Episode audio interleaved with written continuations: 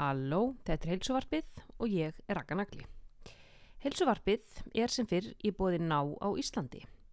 Nú ég vil mæla sérstaklega með Omega 3 og sérstaklega að taka 2 grömm af Omega 3 á dag. En Omega 3 samastendur að fytusýrunum EPA og DHA, þetta eru svona tvær systur, og ávinningur af því að taka Omega 3 er rækilega rannsakaður í vísindaheiminum. Nú til þess að njóta allsins góða sem þessar dásanlegu fytusýru gera fyrir okkur hafa rannsóknir sínt að við þurfum 1,6 til 2 grömm á dag. Það sem omega-3 gerir fyrir okkur að það lækkar bolgur í líkamannum. Rannsóknir sína líka að omega lækkar kortisol sem er hormoni sem við seitum út þegar við erum í streitu um heil 19%. Nú heilin í okkur er 60% fita og DHA, muniði, önnur sýstirinn, er stór hluti þeirrar fytu, og rannsóknir sína að omega-3 eigur ymitt hugrana getu. E, þær smyrja mýjelin slíðrið utanum frumur svo að upplýsingar renna bara eins og listskautum í gráaefninu í hausnum. Nú, omega-3 drefur úr þunglindis einkennum þegar það tekið samhliða þunglindislifjum Það hefur mjög góð áhrif á hjarta og æðakerfið og smýr liði og liðamót. Ég mæli með að fjárfesta í omega-3 belgjum sem gefa 1 gram per þrjá belgi og taka slíkt magn tvísar á dag. Þá eru þið komið með 2 gram á dag. E, það stendur aftan á e, dollunni, yfirleitt eitthvað allt annað en málið er að það er ekki tilneitt ráðlaðu dagskamtur fyrir omega-3 en þeir verða að setja eitthvað á dolluna. Þannig að e, tvö grömm á dag er það sem að rannsóknir sína að gefur okkur bestan ávinning. Bæði fyrir heilsu, heilan, geðið og allt saman. Þið fáið omega-3 í heilsu hillunni í netto en heilsu dagar hefjast emitt 25. janúar og þá er 20% afsláttur af öllum heilsuvörum, þar á meðal vítaminum og bætiefnum Nú netto er einmitt annars styrtaraðili heilsuvarpsins og ég mæli með að hlaða niður samkaupa appinu en þar inni koma reglulega app tilbóð yfir heilsudagana sem og aðra dag ásins með enn meiri afslæti svo það er til mikils að vinna. Gestur þáttarins er Katrín Etta Þorstensdóttir, verkfræðingur búsett í Þískalandi og hún vinnur fyrir Boss. B-O-S-C-H ekki rugglaði sama við Hugo Boss. Eh, hún vinnur við eitthvað sem að mínar örfá heilasellur og eh, takmarkaða eh, grindavístala getur ekki útskýrt. En sem betur fyrir útskýrun það allt saman sjálf í þættinum. Nú við töluðum um uh, þjálfun á meðgöngu og eftir fæðingu en aðalega töluðum um hvernig var fyrir hann að fá ADHD greiningu sem fullorðinn og hvaða áhrif það hefur haft á hennar líf í dag. Mjög aðdeglisvert spjall og örgla margt sem að margir e, tengja við. En hér er ég að spjalla við Katrínu Eddu, frábært spjall við frábærkonu. Gjör þessu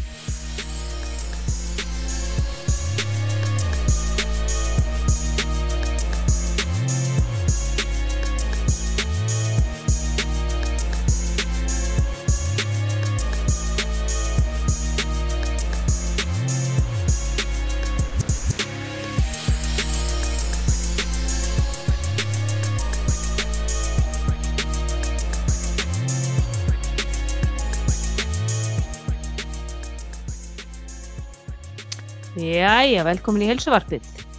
Hér er ég með Katrínu Etti Þorsteinsdóttur. Hanna þarf nú valla að kynna fyrir neinum. Einn eh, frægasti áhrifavaldur landsins, búsett í Þýskalandi, vinnur hjá Boss, verkfræðingur, nýböku móðir, eða svona, allavega ég heilt ár. Og já, bara í alla staði frábær fyrirmynd. Ég fylgist með öllu sem þú gerir í stóri og ég get sagt til það Katrín þetta ég hef allt, mér alltaf fundist eitthvað leðilegast að sé horfa á það er stóri með krökkum hjá fólki. En barnið þitt, ég sjúk í hana. Ég, bara, ég er með hana á heilanum. Mér finnst þetta að finnast í skemmtilegast krakki bara og ég, ég er alltaf í stóri bara út af henni. Já, fyrsta sem hún segir það. Og ég, ég er alveg sammálað, mér fannst eila börn ekkert skemmtilega og svo egnaðist ég hanna og hún er fyrir skemmtileg. Hún er bara dásamleg, hún er svo fyndin og svo fyndin í framán, þú veist svona feit og budduleg og svo var hann að gefa apanum að drekka og ég er bara, veist, ég er bara í kasti yfir henni sko. Já, mér finnst hún er algjör, hún gerir alltaf betri sko, hún er algjör, já, hún er best. Hún er að vera einsás eða ekki? Jú, það er eitt mánuður í það. Ja, ekki eins og niður, ég er að ljúa þess. Það eru, já, fjóra vikur. Hún er ámalið 17. desember.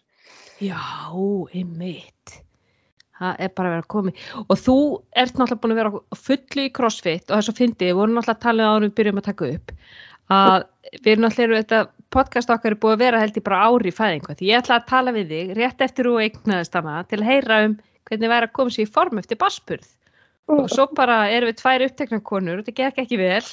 En þá spyr ég bara 11 mánuðin setna hvernig hefur þetta ár verið, þú veist, hvernig, hvernig varst í þjálfun á meðgöngu og hvernig verið svona komaðir þú veist, aftur að stað eftir basburð?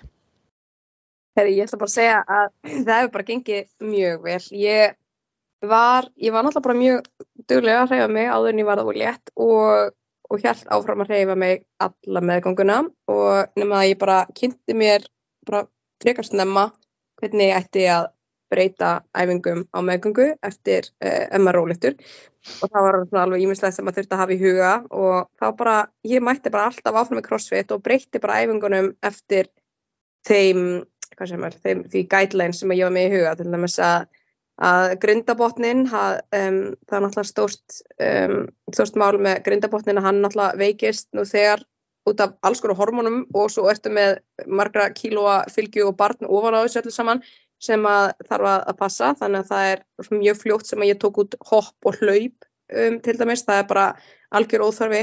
Og já, það til dæmis á grindabotnin og um, magaviðvarnir, kviðviðvarnir þá var um, þarf að verja kviðviðvarna sem eru framan á kviðinum sérstaklega vegna þess að þeir byrja svona gliðna og veikjast. Og þannig að það tók ég allar kviðæfingar út eins og bara svona eins og uppsettur og, og náttúrulega tóstubar og, og planka eða já, eitthvað sem hefur áhrif á, á framavera kviðverðina. Er það þetta diastasis erecti sem getur komið? Diastasis, já það er einmitt, diastasis erecti er í rauninni það sem að gerist sko, kvið, þegar kviðverðinni gliðna mm -hmm. þegar þið gliðna í sundur og það er það sem kemur fyrir í öllum ólítu konum. All, alltaf þegar bumban stækkar þá fara hérna kviðvöndi hliða og þá úst, kemur svona þetta gata, gata á milli að þannig sem er bara eðlæst í heimi. Og eftir fæðingu þá er alltaf ennþá smá gat en það eru marga konur sem að lenda í því að þetta gat sem slokast ekki. Mm -hmm. og því veist, og þetta getur verið bara í náttúrulega fyrsta lagi þá náttúrulega eru kviðvöndir veikari, veikari e, fyrir vikið. Og í öðru lagi eru suma konur sem eru með það stórt gatan á milli að, að líf, líffarin eru ekki varinlengur Já Já, þannig að þetta er alveg, kemur fyrir mjög marga og, og, og, og sem, þannig að ég passaði upp á semst að hafa ekki ála og framaverkföðuðara og þetta var svona svona æfingar það sem ég sem ég gerði ekki. Og náttúrulega forðast ég líka æfingar sem að, sem að bara getur, getur hættulegar eins og að vera hanga á stöng, uppbyggingar eða tóstubar og eitthvað svona sem að er óþarfa eða handstöðu ganga eða handstanda eitthvað svona, það sem getur bara dottið. Mm -hmm þegar með hormóni í fullu, bara alls konar hormóni gangi sem að gera því hvort þið er einhvern veginn rugglaði í hausnum, þá er enn mhm. meiri líkur að þið út eftir. Þannig að þú veist, það er bara svona, af hverju það, ég þarf ekki að hanga á stöng, þannig að í staði fyrir uppbyggingar, þá gerði ég ring rose. Í mm. staði fyrir hóstubar, þá gerði ég hvið æfingar fyrir innri hvöða. En það er svona það sem ég ætla að segja með, um, þetta var svona svona æfingar sem ég forðaðist að gera aðalega. Jú, og náttúrulega ég reyndi að hafa ekki ómikla, há, há, ekki háa ákjæfð af því að um, það er ekki gott fyrir líkamann að ofhittna mm -hmm. um, það er alveg einu, einu ástafanum og hjá mér til dæmis um, í fyrra, í sumar ég var, ég var alveg kansalegt að ná um sumar að það var rosalega heitt hjá okkur og það var alveg mjög oft sem ég bara fór ekki á æfingar af því að það var heitt hjá okkur, við vorum ekki með loftkælingu. En ég passaði sem sagt svona frekar á ákjæfðin að, að vera ekki eitthvað, í kannski 20 myndu amrappi á fullu á þessum pól sem við fórum mjög hátu um, og hafði þetta svona í huga. En svo það sem var mjög mikilvægt var að styrkja innri kviðuðana. En það er svona hérna, um, já ég fór að fylgja, fylgja einni og fór svo námski hjá hann sem heitir, um, hún heitir hérna Nicole, ég man ekki hvað, en hún er allavega Bell Method á Instagram og hún er mhm. alls konar æfingar og og vídeo sýnir frá hérna, um, hvað svona bæði prenatal meðgöngu æfingum og postpartum eftirfæðingu æfingar. Um, og hún talar um að það sé mjög mikilvægt að styrkja innri kvöðuðana Mhm. og þá talar hún um til dæmis æfingu sem heitir Hug the Baby. En þá ertu í rauninni að, að um, draga upp hérna, þú andar inn og, og íti bumbun út. Og, svo, og þegar þú andar út þá er svona eins og dregur grindabotnin upp og, og, og spennir innri kvöðuðuna og þetta er Mm. alveg svona, það er alveg mjög gott að sjá sko vídeo af þessu og hérna hvernig maður sér svona bumban ef fer út og svo fer hann bara skreppur alveg saman. Og, og þessi um, þessi æfingarunni þá ertu bæði að styrkja innri kvöðuna og styrkja grindabotnin í leiðinni. Þannig það er í rauninni þetta svona Já, þetta er ekki bara, ekki bara, snýst ekki bara um grindabótsæfingar, heldur líka þetta en þessi innri, innri kvið æfingar sem að hjálpa til að styr, styrkja kvið, uh, kviðin, eins og ég segi, en, en ekki hérna, en ekki án þess að um, fara á þessa ytri kviða. Þannig rauninni þegar að voru einhvers konar maðuringar í, í crossfitinu þá bara, í staðan fyrir toastubar þá verður ég að gera bird dogs eða dead bug eða Mhm. svona hug the baby æfingu. Og bird dogs þá ertu þá í er svo flókin alltaf var að útskýra þetta í tali en í rauninni eins og ef þú myndir googla orðið bird dog þú, ert, þú, þú situr, ert á fjórum fótum og, Og þú setur fót og hönd á, á, á gagstæri hlið út í loftið. akkurat Já. um leið Mhm. og ferð um, og um leið og ferð uh, upp með hendina á fótinn þá dregur um bumbuna og, Mm. og, og hérna upp grindabotnin og hendina niður og leifir bumbuna fara út og Mhm. ég var að, nú, þetta er í rauninni þú veist það svona ólittum aðengar já. þannig ég í rauninni að gera þetta þá alltaf í staðin fyrir einhvers konar tónstubar en þannig að ég var semst búin að kynna mér rosa mikið bara hvernig ég gæti breytt æfingunum og, og, og breytti þeim bara alltaf alveg alla meðgönguna og til dæmis bara eins og arbegjur þú veist þá kannski byrja ég að gera arbegjum tám svo ger ég arbegju um, á hérna á, á back og mm. -hmm. hendurnar á back og svo er ég komin upp með, með hendurnar á boxið og svo fyrir ég alltaf með boxið bara herra og herra og svo í lokin var ég bara komin á, á þannig á, á njánum en hendurnar á back þannig að það er bara svona að ég fann að þú veist að því að veist, og meira segi arbeiginu það var það, fann ég undir lokin að það hafði áhrif á framaverða magaðuna en í rauninni því lengur sem ég var líka búin að hafa þetta allt saman í huga þá var ég bara miklu meðveitar um bara að nú er ég að hafa áhrif á, á framaverða kviðuða þannig ég ætla að breyta æfingun og gera hana svona. En þannig að ég var alveg bara um, mjög duglega að æfa en æfði á réttan hátt myndi ég segja. Að ég, ég fór svo bara deginum, deginum áður en ég var gangsett ég fór svo tíu daga fram yfir deginum áður en ég var gangsett þá fór ég á æfingu, senustu æfinguna mína. Og, fór og það var, var eitthvað svona róður og, og box step up sérna kassastig sem satt í hérna. Eða var kassahopp en ég gerir kassastig. Og ég hugsa þetta er frá, frábæra æfing fyrir hérna fæðingunni, ég var alltaf að reyna að koma barnin út, það virkaði nú ekki. En, en hérna en þannig að ég gæti alveg alveg fram að, að fæ- fæðingu.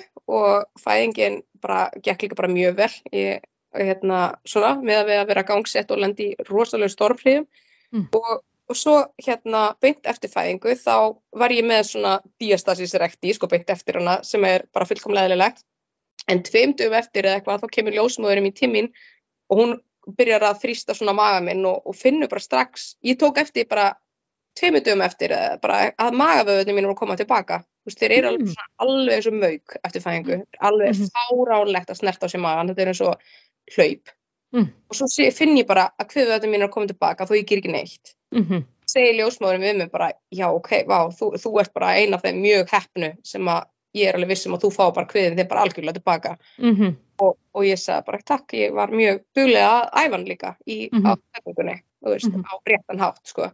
og gatið á milli það var bara eftir örfá daga var það búið að lokast aftur og, það, og, og ég var bara komin, þú veist bara sjötugum eftir fæðingu aðfokadag mann eftir, ég tók mynda mér íþrótt og topp og ég sá bara kviðuna mína sko, bara Mhm.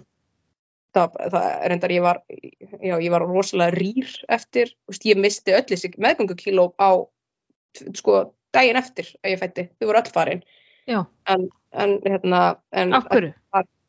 það var bara, þetta var greinlega bara mikill þú veist, ég hef Mm. ekki fitnað neitt, bara mikill vökvi og fylgjan allt farið og hérna og líka með fljótur að skreppa tilbaka en vöðvata mínu voru líka farnir, eða þú veist, það var bara ég, eftir strax og ég byrjaði Mm. að hérna eða svona sko nokkur dögum eftir á minna ég frekar því að þegar ég byrjaði að gefa svo brjóst þá þurfti ég miklu meira orku heldur en nokkuð tíman áður ég Já. bara, Maður hefur heyrt það, það, það bara, konur bara, þú veist, það geta allt í hennu borða bara eins og bara meðal sundkappi á olimpíuleikunum og það bara sínur af þeim, sko. Svo gæti ég náttúrulega ekki ég gæti ekki um, staðið upp vegna þess að ég, ég ripnaði og bara var alveg bara ég, ég, það var, eiginlega ekki labbaði, nei, mér, ok.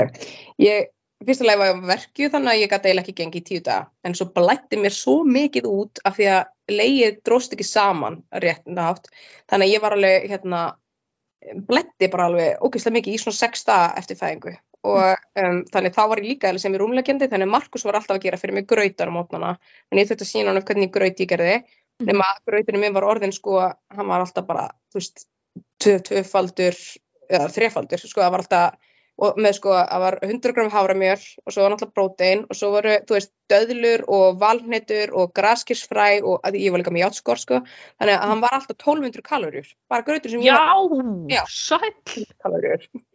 Sem ég borðaði bara í morgumætt, þú veist, bara ekkert mál og var bara án svöng aftur klukkutíma setna það var bara, og, og samt einmitt hrundu þessu kíló af mér og ég sá alveg bara svona einhvern veginn líka því að ég, svo var ég náttúrulega gæti ekki eftir uh, crossfit í, ykkur tíma þá var ég bara mjög rýr hérna fyrstu vikuna Mhm. þannig að það var alveg, en já, en svo ná ég er náttúrulega, ég er glanglóka hérna í mér en, en svo eh, náttúrulega kemur Við elskum langlokkur.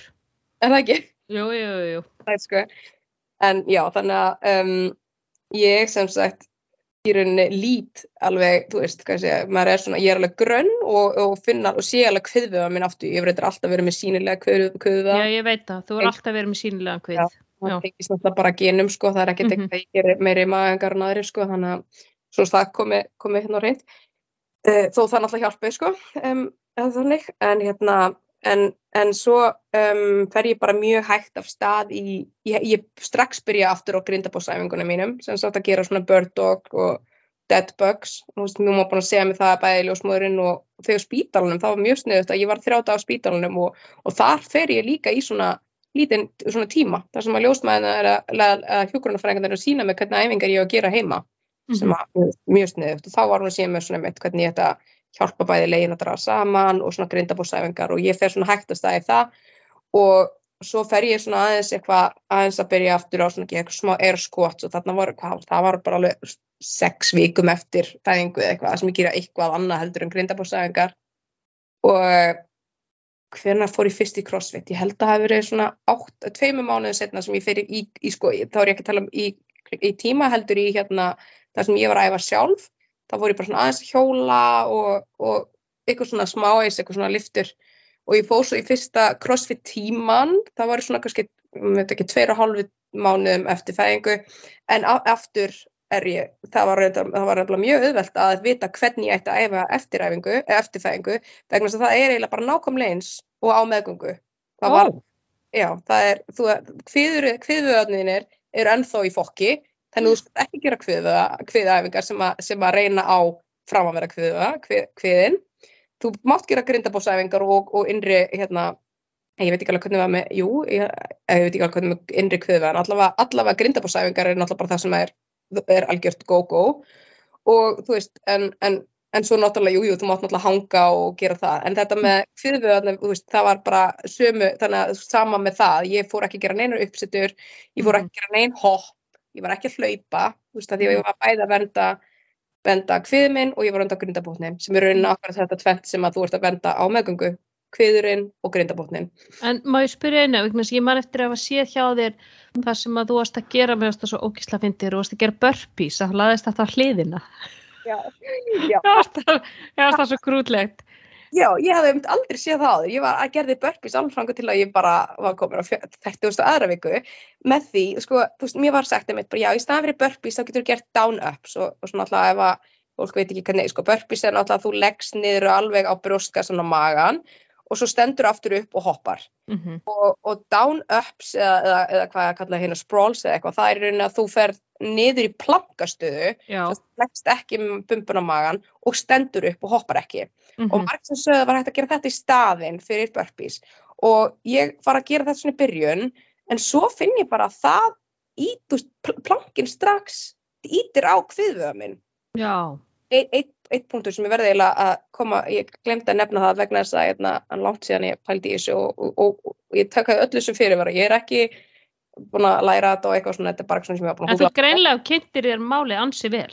með þetta mjög vel, en það Já. sem er mjög hérna, um, mikilvægt eða gott að, að skoða og googla er eitthvað sem heitir coning sem að er gerist það, það er það sem að um, þegar ég var að segja að það kemur ómikið álag á framanveður kviðuðuna og maður sér það nefnilega strax gerast vegna þess að það kemur eins og kúla út á milli. Já, eins og, eins, og, eins og ef þú horfir niður á magaðinn þá er eins og þessi þríhundur, þá er eins og þessi píramidi en ekki eins og U. það er náttúrulega því að kón veist, er keila. Já, og, já, og þetta er eins og að komi keila út úr maganum. já, nema svona sem, rönd sko, veist, punktur, heldur eins og rönd af, eins og hryggur já, hryggur á milli. Ég man eftir í að, að það var svona smá umræð um þetta Tia Claire Toomey Já. sem er uh, markvaldu meistar í CrossFit þegar hún var ófrísk og hún var að byrta einhver myndbönd af sér á, á Instagram að þá var fólk að segja byrju ættir að vera að gera þetta? Og, og okkur sýnist að vera komið hjá þér svona kóning. Það, en það var, ég veit ekki hvort að það gerðist svo í raun og veru sko, ég fylgdist aldrei með því en, en það var áhyggjur hjá fólki já, ég náttúrulega, ég mitt sá það var að fylgjast með þessu líka því hún var ólétt á sama tíma og ég nema Mm. mm. setna eftir mér allavega og það er einmitt þetta, ef þú kemur með of mikið álag á framaverða kviðuðana sem að gerist líka ekki bara í magaðingum, þú veist, þú, eins og ef þú stæfur crossfit og þú ert að gera olimpíska liftingar og ert að gera eins og þessi arbegjur, þetta bara Mhm. hefur allt, á, þetta hefur allt, nota kviðin í allt, Hens, Mhm. handstöðu hérna, pressur, þú veist, að gera handstand push-ups, ég tók eftir því líka einhvern tímann, bara því ég var ekki orðið mjög ólétt og bara hérna, nei guð, ég var ekki að gera handstöðu pressur, já, eftir, eftir að ég fætti, alveg rétt, eftir ég fætti, þá var ég að prófa mig áfram og ég gera til handstand push-ups og þá hérna fann ég bara að ég finn álag á framaverð kviðuna, ég ætla ekki að gera þetta núna. Mhm, Og- mhm. það, hérna, en þegar þú veist ólétt, þá sá maður þetta strax, því að þú gerir einhverja, hérna, ég tók um eitt vídeo á mig líka til að sína þetta, að þú veist, þú getur líka verið svona á hnjánum, nema ekki alveg, hvernig maður, það, þú ert ekki alveg að krjúpa heldur eftir með rassina aðeins uppi og hallaði svona aftur og bak svona, hérna, En svo sést ekki svona að- svona eins og er Já, múslimandi er að byðja. einmitt, eins og, eins og sem við byrja, nema hallar bakininni í aft, aftur og bak, því þá er hérna að kemur svo spenna framan á, framan á bæði lærin og, og kviðin, því að þá sérðu strax þetta kóning á kvið, Mm. Mm. bara strax, því þá ertu komið með strax með ála á, á hérna, þetta er sem sagt séð á Instagram hjá henni, hana, Bell Method. Og ég prófaði að gera þetta sjálf og þá sá ég strax þetta kóning, þú veist, þannig var ég bara komin 24 vikur, sko, þetta var ekki eins og ég var eitthvað karsúlegt, sko. Mhm. og þá, og það sem sagt til að segja það er, að, að sé ekki, það er eðlilegt að það komi, en það er ekki gott að vera að gera mjög mikið af álægi sem að, sem að veldu, sem, sem að lætur þetta kóning byrtast og það er sem sagt, þú veist, maður sé það að maður gerir tól, eins og, eins og Tia Claire Toomey þegar hún var að gera já, hún var að tóka, taka þarna open æfingarnar að, að, að þá var hún að gera svona tærisla og, og þá sá maður bara strax hvið, hviðuðan og hún var að gera clean og maður sá þetta kóning á Mhm. hviðinum fyrir auðvitað það náttúrulega eða þú veist eins og ég myndi til dæmis aldrei ha- hanga á slá að því er svo mikil hætta og getur bara dottið eða þú veist Mhm. svona hver er fórn eða þú veist hver hvað Hver er fórnarkostnaðurinn? Fyrir hvað ertu að, já, kostnaðurinn er of hár fyrir, fyrir Já. þessa æfingu. Já, þú veist, og hún er náttúrulega alveg mögnuð og alltaf er hérna, rosalega sterk kona og kom náttúrulega mjög sterk tilbaka, en ég veit Jú. en, en hvað, við veitum samt heldur ekkert endilega hvort að hvort að hann sé sterkur áður og, og hvort hún sé að pissa á sig hvert einsta skipti sem hún gerir upp á landars sem Já. að þú sér það ekkert á konum, sko. Nei, einmitt, einmitt, sem Um, er bara mjög, mjög algengt eftir á. ég tók mjög langa tíma einmitt í að, að, að sippa og ég byrjaði að hlaupa þreim mánuðum eftir fæðingu og það var miklu minna máli ég held. Ég held að það væri einhvern veginn sem að væri eitthvað en það bara, ég fann ekkert fyrir grindabóttunum þar Mm. en það var ekkert mál og ég fór bara mjög rólega náttúrulega stað og en ég fann náttúrulega fyrir, um, en ég fann til dæmis bara, bara við að gera uppbyggingu, svona kipping uppbyggingu vegna að það er svona álag, þá fann ég alltaf mjög grindabóttunum, ég alveg, Já. Mm. herru, ok, þá ætlum ég að býða með uppbyggingar, þá gerði ég bara ringrós, þannig að ég var rosa mikið bara svona að hlusta á líkamann að býða eftir því að, að til dæmis kviðvöðunum mínu voru bara eiginlega strax ready, ég gæti eiginlega bara að fara tiltulega snemma að þú veist gera svona venjulegar kviðafingar með að við, já, og, en með hopp og svona það, ég beigð alveg, já, við varum komin sex mánuðið eða eitthvað, þannig til ég fór að hoppa af alvöru á æfingum, sko. Já, hopp upp á kassa og, og þú veist, Hoppa og gera sippin, double unders. á stippin, já, já. Þannig að, það, þannig að sex mánuðum eftir, þú veist, hvenær myndir þú segja, þú veist, svona tímalínni, hvenær myndir þú segja að þú hefði verið komin í svona þitt fyrra form, eins og varst áður en varst ólétt? Eh, Eða ertu komið ákvæð, eða þú veist, ég, kom, ég, er miklu, ég er miklu betra formi en áður. eða það ekki, þú ert fann að keppa og Já, allt, ég líka bara, ég, þú veist, einhvern veginn fyrir áður en var ólétt, þá var ég líka bara svolítið, þú veist, það er náttúrulega, ég þurfti að fara í gegnum þessa frjósemis meðferðir Mhm. og allt þetta og var alltaf einhvern veginn að hætta ef og byrja ef og þetta, ef og bla blu og út um allt og, og ég var svolítið, hérna, ennþá einhvern veginn svona cherry picka crossfit, þú veist, velja bara votið sem ég er skemmtileg og, og, og hérna, og, og kannski ekkert, já, ég er allavega að æfa meira núna senustu þrjá mánuði kannski heldur en ég hef verið að gera áður og að því ég byrjaði líka að æfa með svona, eh, sem sagt, fjórum krökkum aðalega, svona, svona já, þreim til fjórum sem að gera sín, sitt eigi ekki sitt eigi próf, það heitir þarna HWPO, Hard Work Pays Off, þetta er sama, sama Matt Fraser með Fraser. Mhm. og ég mæti, ég gera það svona einu sundi tvisar í viku og en, en, en hérna þannig að ég var orðin mjög sterk núna en það var einmitt, hún var á sex mánuða ammælinu Elisu sem að eh, já, ég nú ljúaði þegar ég segja sex mánuðum eftir að hafa ég byrjað að hoppa, ég byrjaði á eitthvað fyrir vegna þess að þá voru á sex mánuða ammælinu Elisu voru við um, 17. júni voru við á crossfit móti í Basel. Mm. þar sem að hérna, mitt uh, lið vann, já, við vorum fjögur stafan og það var rosa gaman. Og þá, þú veist, það var alveg geggjað, þá var ég, þá var ég líka að sippa, sko, en hérna og, og, og var bara komin í mjög gott form, þá, þá var ég einmitt bara, bara svona komin svona svipa og ég var allavega áður, ef ekki aðeins betra.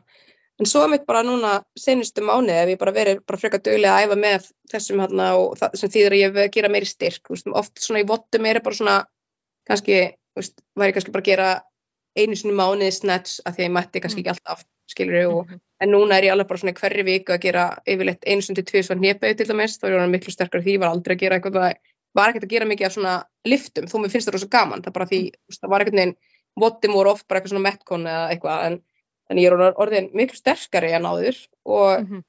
jú, ég held sér bara alveg klálega í betri formi núna heldur en ég bara hef verið áður, nokkuð tíman áður. Vá, já. Já. E- HWPO, hún er þar nú, hún nafnaði, Katrín Tanja. Þannig já, emmitt, Mm já, ekki, ekki alveg á sama level og hún kannski, en ég Nei, en kemur, kemur, þú ert nú byrjað að æfa með liði og þið voru að keppa líka bara fyrir hvað, tveimur helgum eða eitthvað? Já, nei, það var, það var, það var allt, hérna, að, veist, það var annað, sko, það er, sko, hérna úti er alltaf einhver keppnis í gangi, þannig að Mm. það er, um, það er alls konar bara, veist, bara, veist, þú veist, allt þetta fólk sem eru, ég er alltaf búin að vera að æfa í kringum mig, þau eru alltaf, þó séu ekki, þú veist, á alls konar levelum, hvort sem séu betri en ég eða verri en ég eða eitthvað, þú er búin að keppa bara miljónsinu, sko, Mm. bara í alls konar scaled eða RX eða intermediate eða eitthvað og, hérna, og, og þannig að um, til dæmis þegar ég var í Basel þá var hérna, já, í Sviss þetta mót sem ég fór á mjög randomli, því var bara, hún var skilur, Elisa fimm mánuða og ég var eitthvað djumann í, í á æfingu og þá segir hérna yfir þjálfan, hei hérna við erum að leita einni konu eða, þau, hérna, þeir þrý strákar sem ég þekkti ekki neitt aldrei, mm. aldrei tala við á. Þeir eru að leita einni konu fyrir liðið sitt vegna þess að þetta var sem þetta eru, þetta eru fjó, fjórir í, í liði og verður að vera ein, allavega ein konu og ein, einn strákur. Og hérna, Mhm. og bara já, svo bara, Katrín, vilt þú ekki gera? Á ég eitthvað, ertu að horfa mig, ertu að grínast, nei þú veist, bara aldrei verið eitthvað. Og svo var ég eitthvað við strákan eitthvað, nei, já, einn aðra þekkti ég og hann var að ég alveg, hvað, hvernig, hvað er keppni eitthvað, já, er sviss, já. Svo er ég eitthvað bara, já, kannski bara ger ég með eitthvað. Mhm. svo bara Markus, eitthvað fyrir til Sviss eftir mánuð, þú veist, bara alveg geðt random, en þannig að þetta voru bara þrý strákur sem ég þekkti ekki neitt, en voru bara mjög, mjög skemmtilegir. Og en svo það sem ég var að gera núna fyrir tveimu vikum það, er, það heitir sem sagt fitness Bundesliga sem sagt Bundesliga fyrir crossfit í Þýskalandi.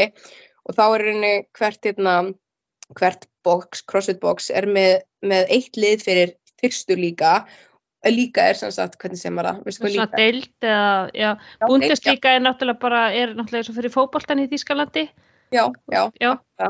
Mm rauninni, þannig að það er, þú veist, önnur líka og fyrsta líka og, og það var sem sagt hérna hvert bóksu með sem sagt fyrir um, an, önnur lík, annað líka og, og fyrsta líka. Er ekki deild, eins og fyrstu deild, meistardeild? Jú, jú, jú, jú Já, akkurat, já. Mhm. það, já. Nema svo er þetta ekki alveg eins og fókbaltinn en aðja, whatever, skiptir ekki máli. Og, og það voru til þess að komast í það lið það voru svona qualifiers sem, sagt, sem átt að gera í bóksinu og, og, og ég var alveg svona, æ, ég veit ekki hvort það gerir þetta. Já, er þetta keppni, já, ok ná, og vissi ekkert um þetta. Og svo er ég bara, jú, ég ger bara með ykkur. Því mér veist ekki gaman að, að gera vot einn, sko, en að þau voru hvort ég er að fara að gera þetta þá er ég bara, æ, ég ger bara með ykkur. Og svo af þessum þrejum votum, þá var ég fyrstu, fyrsta sæti af stelpunum fyrir þetta annað líka sko, aðra dildina en þannig að við, þetta voru semst að og þetta er svona fjóra stelpur og fjóri strákar sem að taka svo þátt á endanum. Um, og, og við vorum semst já fjóra stelpur og fjóri strákar. Og það var semst það semst helgi en þetta er bara YouTube. Þetta er semst að núna voru, þetta voru 85 lið eitthvað og eru fjóri mismunandi dagar þar sem að þessi boks um, eða þessi lið framkalla að gera þess að þrjú mismunandi vott á einum degi. Og öllu er strímað beint á YouTube. Og svo á hverjum degi eins og við vorum að keppa þarna þá voru 25 lið á okkar degi þar semstulega þetta þá um, fyrsta sæti á hverjum degi kemst áfram í fyrstu deilt mm. Og hann okkur, þú veist, og hann var búin að segja bara já, það er ekki líklegt að komast eitthvað alveg því að oft eru þeir sem ætti að vera eiginlega í fyrstu deildinni, þeir eru að taka hátt í annar deildinni fyrir mm -hmm. eko eða eitthvað, ég veit ekki, allavega. Og, og allavega þá tókum við þarna þátt og, og það var, var ógstað gaman sko, við vorum 15 sæti af þessum 25 ég, ég var í tveimur votum og af þeim voru við í öðru sæti þannig að ég stóði með allavega vel. Heldur betur. Þrátt fyrir brjálu íþróttamiðsli Það mistu, mistu stöngin og læraðir? Ég var, ég var nutti á hann og konu bara, hvað kom fyrir þig? Bara gruna Markus um heimilsóbeldi? Mitt, ég alveg, ég alveg, já, hvud neyð það meirin vika, það eru tíu dagar síðan. Já, ég, þetta er alveg risa marblettur. Já, já, báðum, báðum lærunum, því að ég misti samsagt 55 kílóa stöng úr höndunum á lærum. Jís, ah, mm -hmm. 55 kíló, það er bara heil manneskja, sko. já. Já, beint af læri. En þú byrjaði að vinna aftur? Já, byrjaði að vinna senasta 50 dag. Já, einmitt, bara næstu í vika. Hvernig, hvernig, hvernig er það? Ég með þetta er náttúrulega búið að vera bara næstu í heilt ár í fæðingarólof. Já, þetta er búið að vera í rauninni, e, svona, ég er búin að vera meirinn ár, ár í burtu vegna þess að ég tók 11 mánuði í Orlof en í Þískalandi þá eru fara allar konur 6 vikum fyrir settan dag. Já. Það er fjóra vikur hér og ég held að séu sko sex vikur eða út með tvýpura hér. Fjóra, all, allavega fjóra vikur hér eða út bara ofrisk. Það er náttúrulega bara alltaf að vera svona í staðin fyrir og Íslandi eða sem þú þarft að fá læknisvottor og eitthvað. Mm -hmm. Já, fyrir ekki, ég er getið ekki gengið vegna sem komið 42 vikur og leiðin ennur plís eitthvað ég geti ekki þetta smá. Nei, mér finnst það, úst, ég, ég mér leiður ótrúlega vel alla meðganguna mína og mér leið vel miða við að vera kassólétt í lókin, en ég var svona kassólétt, ég gæti ekki gengja, þú veist, maður bara svona er bara eins og sért með, þú svo ert bara í alvörunni með, þú veist, 8 kíló af einhver drasli framannaðir og í, bara í klofinni og getur ekki gengið, þannig að það er ekkert skrítið að maður geti eða ekki unnið. Nei, einmitt, og ég menna eins og segir, þú veist, hér er þetta bara standard, bæðið Þískalandi og í Danmarku og og þetta ætti að vera þannig á bara allstaðar já, já, en þú sér hvað þú færð rosalega langt fæðingarólof ég held að það sé bara eitthvað svipað hér í. Danmörku en svo ef maður ber sér saman við sko bandaríkin ég held að það er fái, þú veist, fjórar fimm vikur, svo er það mjölka sín á klósetti og þetta er bara Ræða, takka fyrir að vera í velferðaríkjum hérna, í skandinavísku sósialisma algjörlega Já, já. líka þannig að ég, þú veist, þú getur, þau hefur rétt á, eða sko, þú hefur 14 mánuði borgaða og við getum skiptið eins og við viljum, ég og Markus. Markus hefði þess að hann geta verið ári burtu og ég hef getað tekið í tvo mánuði, af því að ég verða að vera tvo mánuði eftir, eftir fæðingu heima, mm. en þú veist, maður skiptað eins og við viljum, en ég get líka sótt um alltaf þremur árum og fengið þá bara greiðsinn og deildar og ég hef rétt á nákvæmlega sömu stöðunni tilbaka, því ég kem tilbaka í vinnunni minni. Þú veist, og þú fóst í sömu stöðu það ekki, eða skiptur um stöðu? Nei, ég er bara í sömu stöðu og bara allt, allt, ekki allt eins, er alltaf búið að breytast en, en það var semst bara vinnufélagi minn sem að tók við mínum verkefnum. Ég er, hvað segir, ég er, hérna, hvað sem er responsible, ég er ábyrg. Ábyrg fyrir Volkswagen til dæmis sem kuna og hann vinnufélagi minn er ábyrg fyrir Porsche sem kuna og hann tók semst við mínum verkefnum frá Volkswagen líka yfir meðan ég var í burtu. Og núna erum við semst að bara búin að vera svolítið senst þetta mikið að sitja saman og og hann að svona og fara yfir það sem búið að gerast og hann að koma mér inn í það sem er opið og, og bara rosa gaman, minnst það gegja Ertu ekki að vinna hjá Boss? Jú, Og, og, og hva, í hverju fælst starfið þitt?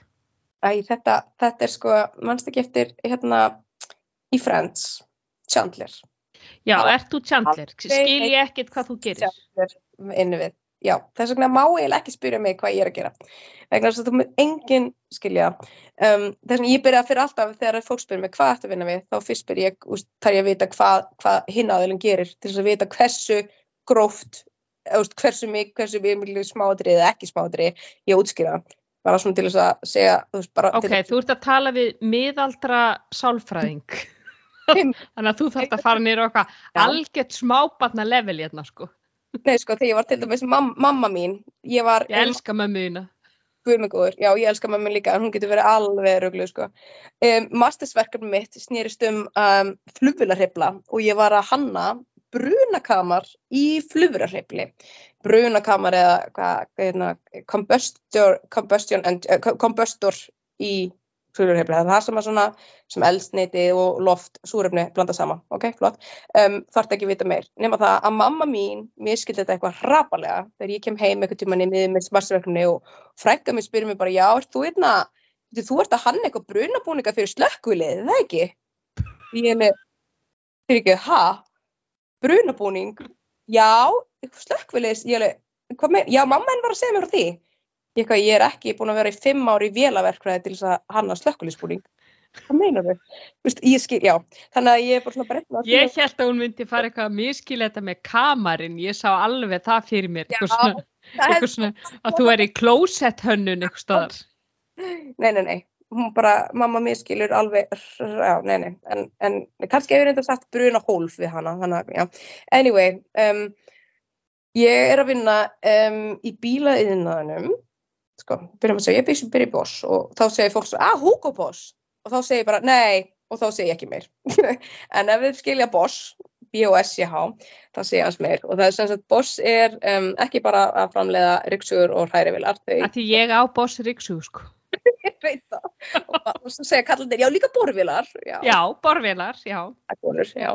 en hérna, nei, en það er alveg boss er rauninni 70% af öllu sem þeir gera kemur bílaðinanum við og Mm. ekki heimilis, uh, household og, og hitt, en hérna þau sem sagt búa til bæði mjög mikið af pörtum fyrir bíla en aðalega hugbúnað, sérstaklega núna nýverið þar sem að, að um, rafmaksbílar eru að fara að vera vinstæðli og vinstæðli um, og þau búa til hugbúnað í bara mjög marga viðskiptavini, hún er að koma með íslensku orði verið allt saman, bara, ekki bara Þýskalandi, líka bara í Asíu og Bandaríkjunum og bara neymit og um, í bílum sem eru ekki rafmaksbílar heldur um, fyrir íslensku orði verið allt saman Segðu bara á ennsku eða tísku, ég getur Ok. okay. þýtta. Sem eru með venjulega, sem, sagt, sem eru með venjulega bílvél, sem eru með útblástur. Mm. Um, það er ákveðin reglugerð sem að segja til um það hversu mikið af eitur gufum með að fara út úr hústurörinu á bílniðinum. Og til dæmis hversu mikið koltvíoxíð eða nitroxíð eða um, unburned hydrocarbons, eða allavega kólefni. Um, og það er á, ákveðin reglugerð sem segir til um það. Sem þýð það að bílinn má ekki menga um, x mikið af um, sem má ekki koma x mikið af svona óhrinni lofti út. Og til þess að það sé gert þarf bílvélinn að virka á ákveðin hátt. Sem þýðir til dæmis að ef að um, til þess að bílinn bílinn um, framleiði orku þá gefum við bensín, inn, inn bensín. Við íðum á bensíngjöfuna og þá blanda saman bensín og súrefni og þá verður bruni og hann knýr ákveðna sílendra áfram sem að þú út að blanda bílinn fara, á stað. Ef að við eh, blandum, bara svona til dæmi, ef við blöndum bensíni og súrefni saman þá þá það verið nákvæmlega perfekt hlutfalli til þess að það komi ekki ákveðin eiturgufur út, út, úr, út úr þessum útblástu, pústurinu og, og, og hversu mikið á súrefni og hversu mikið á lofti og hversu mikið þrýstingur, hversu mikið hitasti og all, allir þessi, öll þessi gildi þessu er öllu stjórnað af tölvuheilanum í bílnum þannig í rauninni þar hugbúnaðurinn á baku tölvuheilan að vera forritaður á ákveðin hátt sem að passa að þessi gildi séu á fullkomin hátt um, um, séu bara, já, séu sett á fullkomin hátt til þess að bílvilin mengi ekki neitt.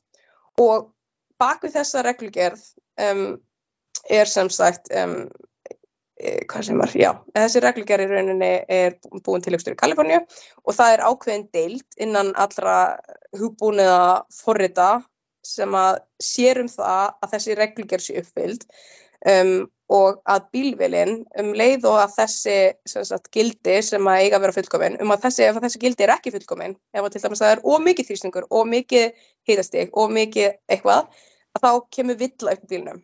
Þannig að þegar að þið hafi öruglega séð einhver tíman í bílnum ykkar, kemur upp svona lítill engine lamp sem lítill ljó, lítið svona ljós með mynda bílvilinni og ef að þessi þetta ljós kemur upp, þá þýðir það, ú, það er einhver villa komin upp í tölvuheilanum í bílnum mínum sem segir að útblóstu skildin í bílnum gætu verið raung. Þetta, ég... þetta er svona ljós þegar það kemur, þá fer ég inn og segi, snorri, það er eitthvað að bílnum. Já, og ef það kemur hjá mér, þá tek ég litla kuppu minn sem ég á og ég set, sem heitir OBD uh, stekka eða svona einstungur, ég, ég set hann í bílinn og ég get opnað með app í símanum mínum, þú getur þetta líka að þú vilt raka hey. hvað vill þetta er og hvað nákvæmlega er á bílnum en í rauninni oh. já, í rauninni sko þetta sagt, um, Þannig að starfið þitt er það að reikna út allir þessi gildi Nei, nei, nei Nei, nei, nei ok við, nei, við skulum bara ég, minn, minn, þú veist, mín greindavísitali er ekki að ráða við þetta hérna sko. Ég er, komin, þá, ég er ekki komin í það sem ég er að vinna við. Ok. þetta er ástæðan fyrir því að ég geti ekki útskið. Ok, ás, ás, nei, svo er, ég, ég er svona alveg að koma í, en já, þetta er svona, og ég er líka mjög erfitt með að kannski koma orðum að þessu, en, en þetta er svona, svona bakgrunn af þessu og, og hver kunni eða hver bílaframlegandi, eins og þetta sem er mér, Volkswagen Mm -hmm. Volkswagen þarf að sjá til þess að bílir hans sé hannaður þar sem að, að, að í hvert skipti sem að útblástu skildin gætu verið vittlaus að þá kemur vittla upp í bílinn. Og hver einasta vittla um, sem að kemur upp getur verið út af mismunum, getur út af bíluðum, bíluðum hita skinnjara, bíluðum þrýstiskinnjara, bíluðum hérna, eh, hvað heitir þetta, throttle valve, alls konar kompónið, þú veist það er alls konar mismunandi hérna, villur og mismunandi partar sem getur bilaðir og Volkswagen þarf að sjá til þess að allar þessar villur séu rétta skráðar í hugbúnaðarum og Bosch framleiðir hugbúnaðin fyrir Volkswagen. Þannig að Volkswagen þarf að tala við okkur og bara hei, hérna, við erum með allt þetta, hvað, hvaða villur þurfum við að, að, hérna, sjá til þess að séu réttar skannar og, og meldaðar og, og í rauninni er ég þá counterpartin í Bosch sem að tala við um, mm. um, með allir svona og þetta er, þetta er svona requirement engineering ef það segir einhverjum eitthvað.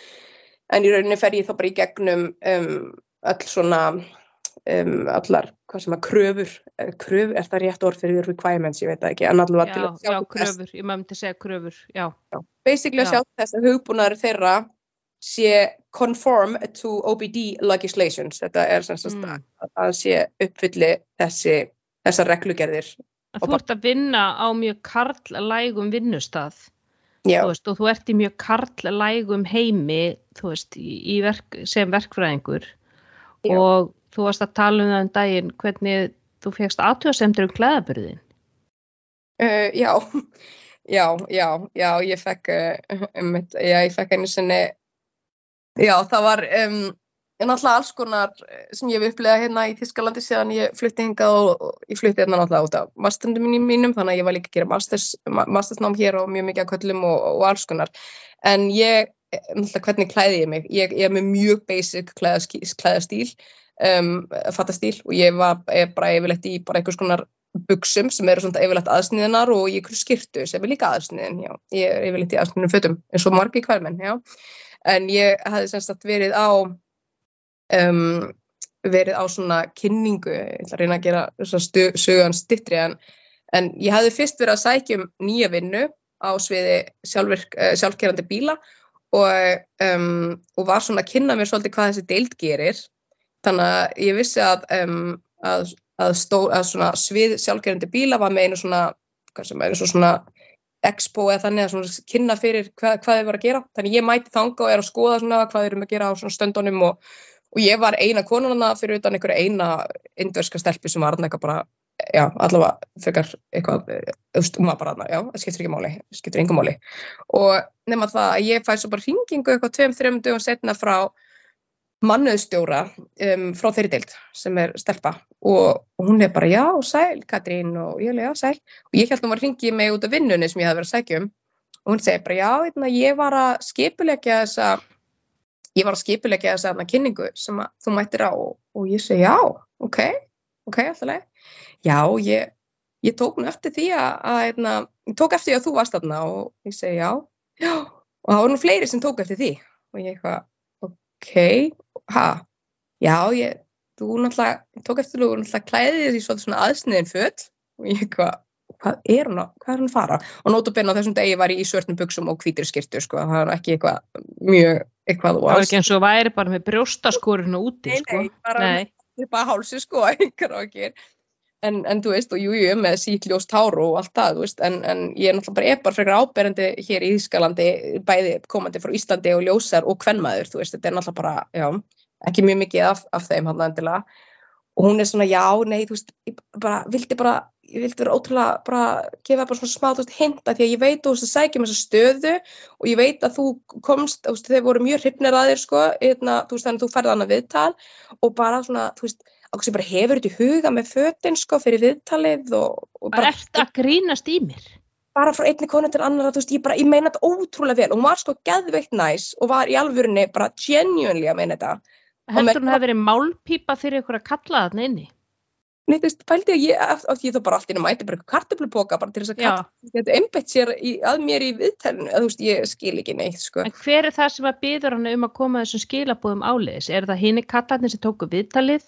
Þú veist, er það hún sem tekur þetta upp á sitt innstæmi að ringi þig? Þú veist, Hvaðan komur þessi skilabóð? Þeir sem að kallanins tóku viðtalið við mig, þeir voru ekki einu svona á þessari síningu að geðsalappa og þeir kallanir voru bara mjög, það var sagt, fyrrum yfirmaður minna því að svo er ég búin að skipta aftur um vinnu síðan þá um, og hann var bara ótrúlega almennilegur maður sko, ég fór, bara, ég fór aftur í viðtal og, og, og, og trúði mér, ég var í aðsniðinu skirtu, ég, á, ég á bara aðsniðinu skirtur, bara eins og basic hvern mann skirtur eru og, veist, og ég, ég var fyrst bara, oh my god, á ég mæti ykkur svona stórri peysu, svo var ég bara hvað bull er þetta, ég mæti náttúrulega bara í fötunum mín en hvað er þetta, og mæti bara í viðtalið og það bara gekk bara rosa vel viðtalið og hann var ekkert eitthvað ó nei, hún er í svo aðsniðnum skirtu og ég verði að horfa á brjóstin á henni. Eða þú veist, eitthvað, veist, það var bara allt mjög eðlilegt og svo fekk það að vinna og það var bara aldrei neitt vissin sko, þannig að þú veist, ég bara, þetta er náttúrulega bara segja bara meira til um Veist, e- eiga, eiga konur núna bara að færa að vera í rosalega víðum fötum svo að karlmenn séu ekki einhvern veginn afvega litir af brjóstunum þeirra eitthva, eða, eða mittinu,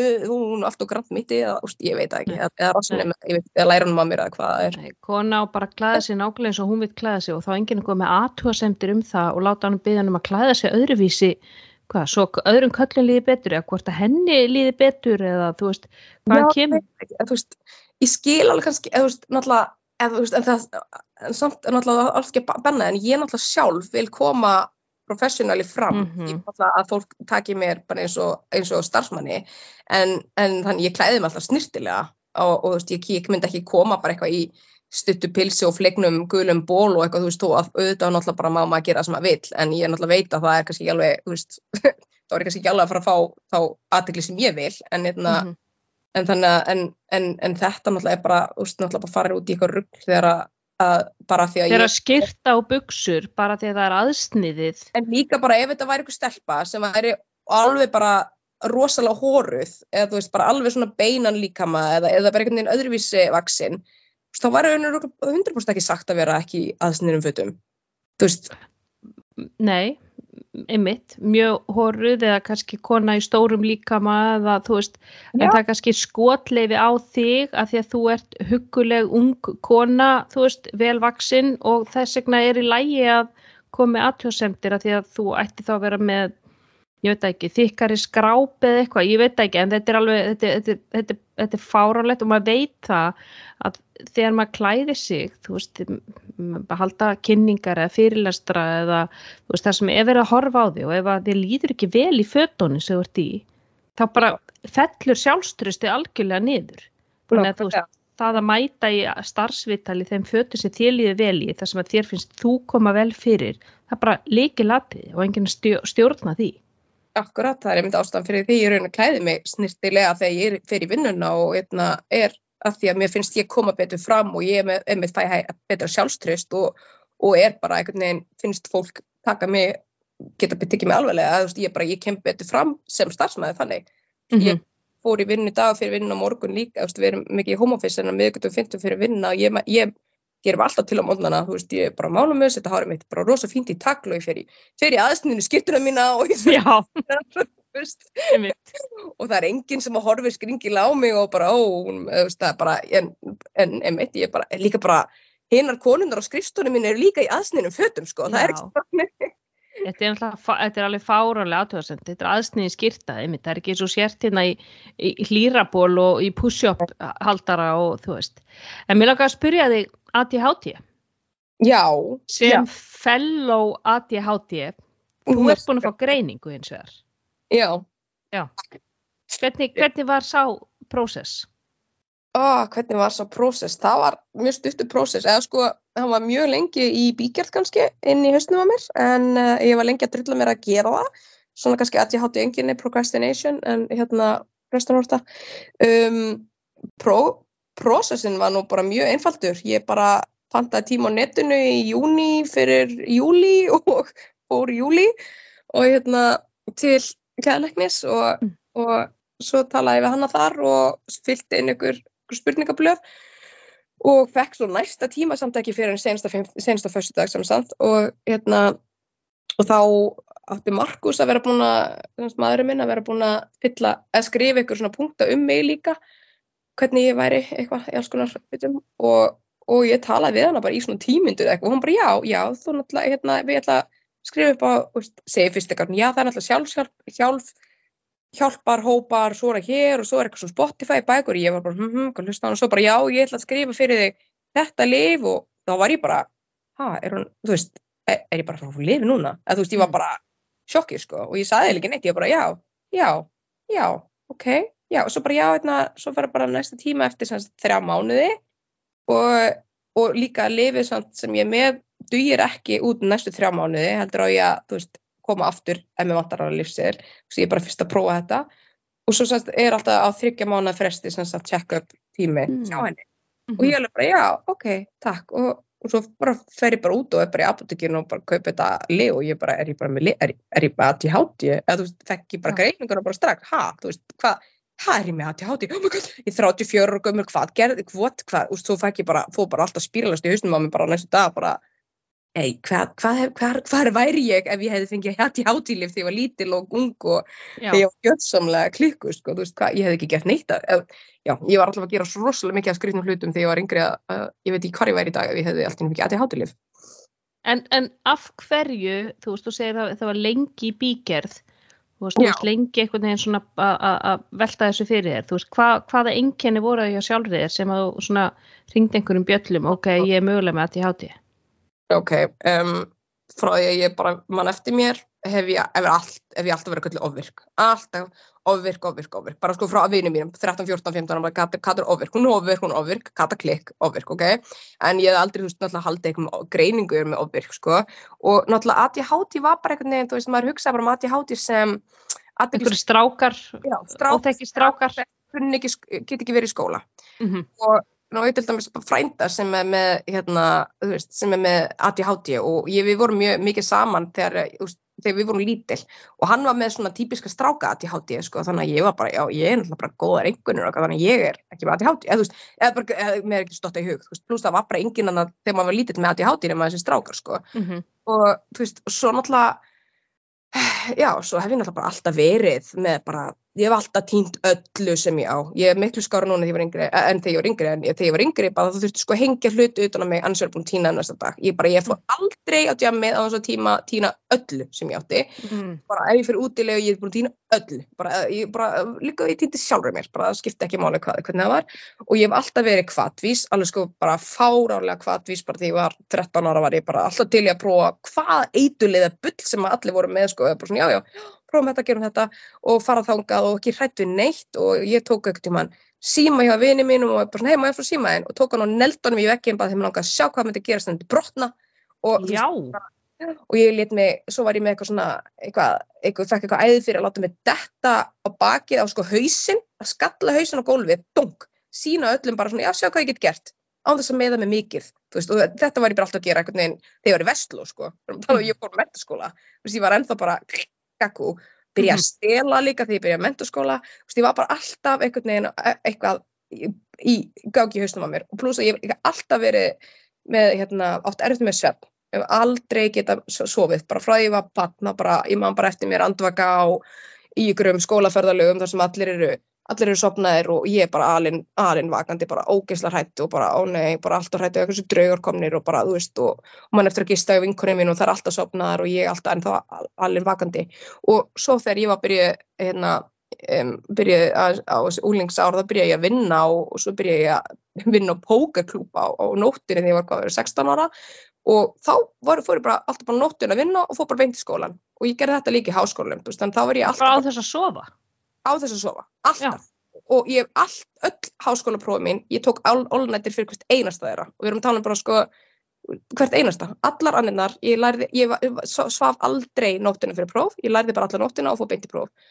Og, og ég var semst að vinna á þessum pókerklúpi á nóttunni, ég var að vinna í heilsuhúsun á daginn og ég var að vinna í kattúlti á sunnudasmótnum til þess, by the way mm -hmm, til þess að borga upp sekt sem ég fekk fyrir ofræðan akstur eða hafa kyrt undir áhrifum áfengis af því að ég var líka klikkuð á bílnum mínum ég klærstæði í drast og kerði full og, og kerði á hratt og ég var bara ég var á, á spírali hana Mm og svo varum við byttandi ádröskun ofan í þetta allt saman skiluru og þú veist og þetta er bara ég var, ég var bara case þegar ég var yngri og þetta var bara algjört og ég var semst, svo þegar ég var í hás, háskólanum þá, svo ákveð ég keppi fitness náttúrulega, þannig ég var að æfa Mhm. tvist á dag, þannig ég er kannski að vinna í pókaklúnum allan nóttuna, fyrir á morgunæðingu klukkan 6, fyrir brennslu, fyrir beint í háskólan, fyrir að læra þar allan daginn, fyrir svo kannski, fyrir aftur setnipartsæfingu, fyrir svo kannski aftur að vinna á pókaklúnum, þannig ég var alltaf vakandi frá að minnstakosti frá fyrstu degi til sunnudags eða lögdegi til mánudags, ég var alltaf vakandi að minnstakosti í, í Já, og ég var aldrei þreytt. Ég var, og ég drakk ekki kaffe á þessum tíma sko, það var bara, Mhm. kaffi hefur aldrei haft neinn áhrif á, á mig. Þannig að, þú veist, ég hef alltaf bara svona já, ég hugsaði líka alltaf bara því pappi mér, hann vaknaði alltaf rosa, rosa snemma og sefi mjög lítið. En hann er með um, Aspergers, einhvers konar einhvers þar róinu. Og Mhm. ég var alltaf bara haldið, ég væri bara eins og hann og við þyrftum bara minna melatonin heldur en aðrir eða eitthvað sko, þannig að ég bara nýtti með það, ég þarf ekki að sofa þannig að ég bara, þú veist, ég þarf hvort ég er ekki að sofa ég ætla bara að vinna, ég ætla bara að vinna, vinna, vinna og ég ætla bara að keppa, keppa, keppa og ég ætla bara að læra, læra, læra. Mhm. og alltaf einhvern veginn á þessum spíral. En þannig að ég, þú veist, en ég pældi ekkert í að ég háti bla bla, en svo er það bara núna þessi umræðinu sinnsst árin og það bara svona jú, jú, ég er alltaf meira me, og svo hugsa bara svona, já, ég er alltaf meira aðtíhátt en þessi. Þú veist, þessi ofvirkar en þessi þú veist, að, að, að þú haka bæði í bóksin sko fyrir ofvirknina og, og aðteglisbrestin, þú veist, þetta tína öllu og, og svona típisk einmitt einkenni hjá konum eru þetta sko, það eru oft, einmitt, oft búin að klessa bílana sína, þú veist, mm Uh, það er svona einhvern veginn svona rýmisgreindin ekki alveg til staðar og, og kvatvísin rosa mikil, einmitt prófa alls konar hluti, þú veist, prófa að reykja, prófa eitulið, við erum, þú veist, til í að fara og detti í það þarna og þannig er svona mikið kvatvísi og, en þú veist, það er líka annað sem að þú veist, konur hafa oft gert að því að, þú veist, nú er fullotna konur að fá ADHD greiningu þú veist, svolítið mikið því að, þú veist, þetta hefur náttúrulega ekki verið að því einkennin hafa alltaf bara verið svolítið miða við strákana og þeirra svona þeirra eðli. Þannig að uh, það er oft talað um sko konur séu svona að setja upp grímu. Já, að þær séu sko svona einhvern veginn að fela háti sko einkenni sín. Þú veist, var það eitthvað svoleiðis hjá þér? Þar sem að, þú veist, til dæmis að þú veist, það, það er alltaf allt í drastli heima hjá manni og, og þú veist og þú veist, ég bara ekki nefnt, þú veist, bara svona persónulegt dæmi fyrir mig, þú veist, að þegar maður verið að tala um eitthvað í skólanum, þú veist, já, hérna, ertu búin að lesa hérna kaplanum, hérna, þú veist, kon, konungana í Fraklandi eitthvað og ég, hæ, já, þú veist, ég átti ekki eins og fokkin bókina, þú veist, skilur en alltaf einhvern veginn bara með eitthvað grímu, já, já, já, já, alveg búin að lesa það, skilur þannig að, þú veist, hva, hvaða grímu varst þú að setja upp? Veistu það, ég, nefnilega, ég held reyndar að ég hafa bara ekkert verið að setja neitt mikla grímu. Ég var bara rosa mikið að koma bara einhvern veginn eins og ég var. Úst, ég var bara því ég var líka bara vön að ég var bara alltaf þessu ofvirka, hyperaktífa, klikka kata. Þú veist, Já, ég þú varst komið svona identity í ég hóknum. Allir Mhm. vissu að ég var klikkuð. Allir vissu að ég væri ógislega dugleg. Eða, veist, eða, allir vissu að ég var að vaka alla nætur og, og, og var alltaf að gera ógislega mikið að klikkuðum hlutum. Þannig að þú veist, og, og óriða, þú veist, ég var alveg bara um, ég er reyndar eins og ég er reyndar núna hérna heima þá finnst mér ógslag erfitt að um, hafa ekki í röð og reglu en þú veist það verður einhvern veginn alltaf allt í kás og meðan ég er að ganga frá. En eins og Markus nefndi einmitt eitt punktu með að sko að, um, um mig að ég get verið kannski bara gett chill í sófarum og svo fer ég bara brjáluð yfir óreiðu inn í íbúðinni og það er bara að ganga frá öllu. Og bara ég, get, Mm. ég, þóli ekki að mér líður illa og ég kem heim og það er allt í rústi. Og núna Mhm. á vinnunni og ég var ógstað þreyttur daginn og ég kom heim og Markus búin að taka allt til og ég var bara takk fyrir að taka til, þú veist, þegar hann veit bara alveg að ég bara mm, þóli ekki til það er allt í klassu en svo, þú veist, ég man svo, sko, ég hef svona bara breyst svolítið mikið á svona seinustu fimm árum segi ég, að því að til dæmis ég man þegar ég var að byrja á Snapchat 2014-15 þegar ég var að taka stories að ég bjó í íbúð ein með tveimu köttum og það var ekkert í íbúðinu minni eiginlega, þú veist, ég bara, ég átti ekki mikið peningrindar, en svo bara netti ég ekki að kaupa húsgögn, ég bara, ég netti ekki að hafa fyrir því að fara eitthvað til búð og velja mér húsgögn, þannig að, þú veist, um, ég átti skáp til dæmis inn í svefnarbygginu mínu sem að var með hérna, þú veist, á ykkur svona gömur vídeo, það ekki sé þetta, og þú veist, það vantaði hérna skúfu frontin á eina skúfuna og ég setti aldrei þennan front á skápin, þá Mhm. getur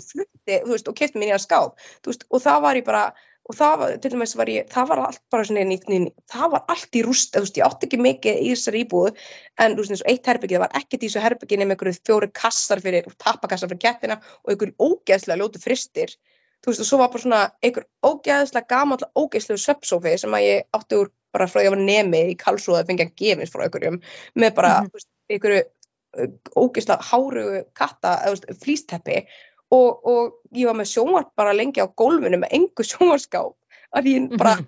átti ekki bíla á þessum tíma líka þannig að þetta var mjög mikið vesen að, að retta sér húsgögnum og ég bjóð náttúrulega einn en þannig að þú veist ég var alltaf bara svona og þetta var ég bara með frestunar áratu bara dauðans. En svona Mhm. einhvern veginn breytist þetta svona alveg þú veist aðeins og ég þroskast aðeins frá svona 29-30 ára 30, 30, frá ég var svona 28 ára bætti þetta alveg svona næstu 30 ára lífið mér var ég bara alveg klikkuð og senustu 5 árin hef ég myndir að segja já, hef ég náttúrulega skánað mikið til þess betra vegna þess að það er ekkert en, en ég var ekkert að fela, þú veist, ég man bara Nei. ég var í stóri, bla bla bla bla bla með bara einhvern skápa bakum mig með enga, engum fokkin frotti og Mhm. mátt ekki vera neitt að við tala um það við mig, sko Mhm.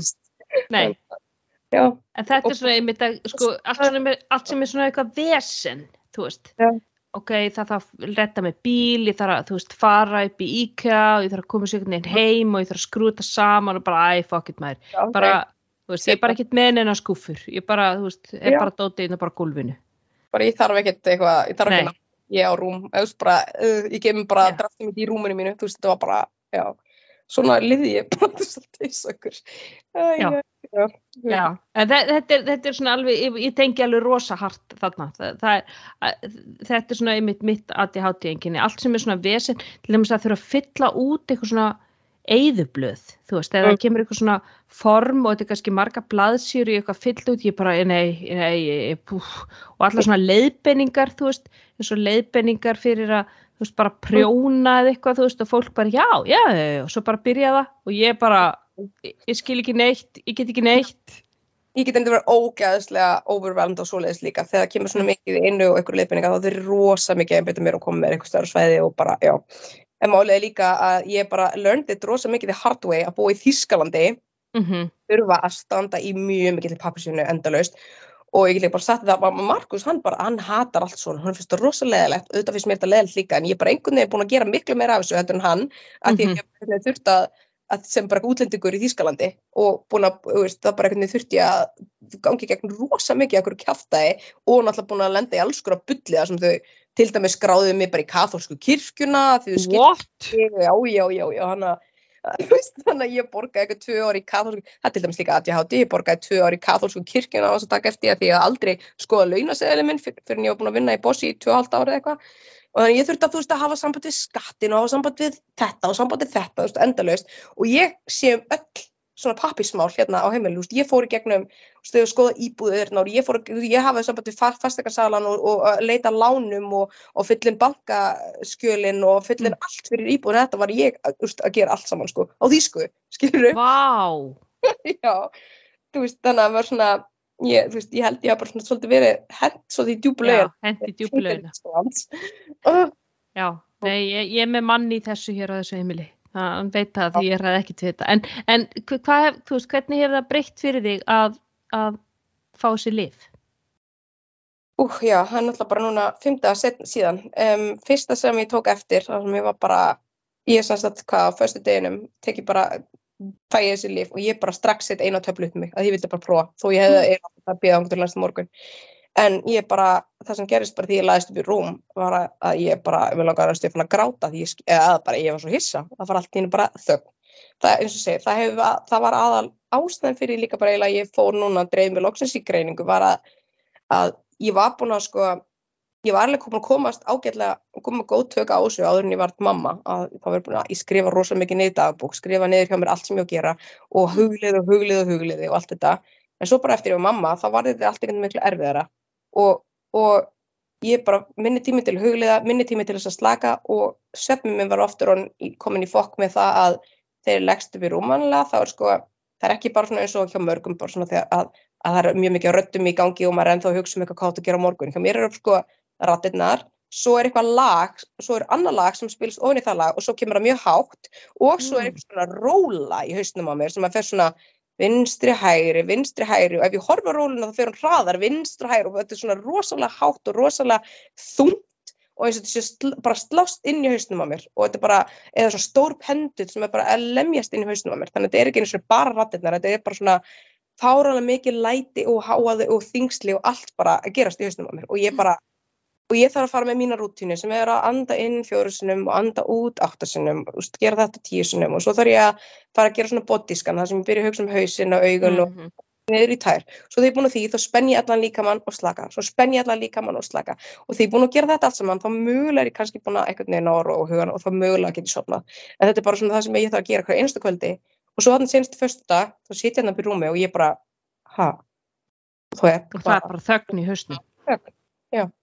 ég og ég bara, ég einn röttin í hausnum á mig sem er bara halló, er, eru, hvar eru rattirnar?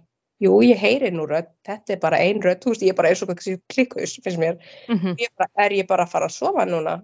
Þarf ég ekki að, þú veist, þetta var bara svo skrítið og ég fæði bara að sofa og ég svaf og ég var bara, oh my god, þetta er bara margast eftir að grínast að rattirna bara, þú veist, bara þetta var magnað.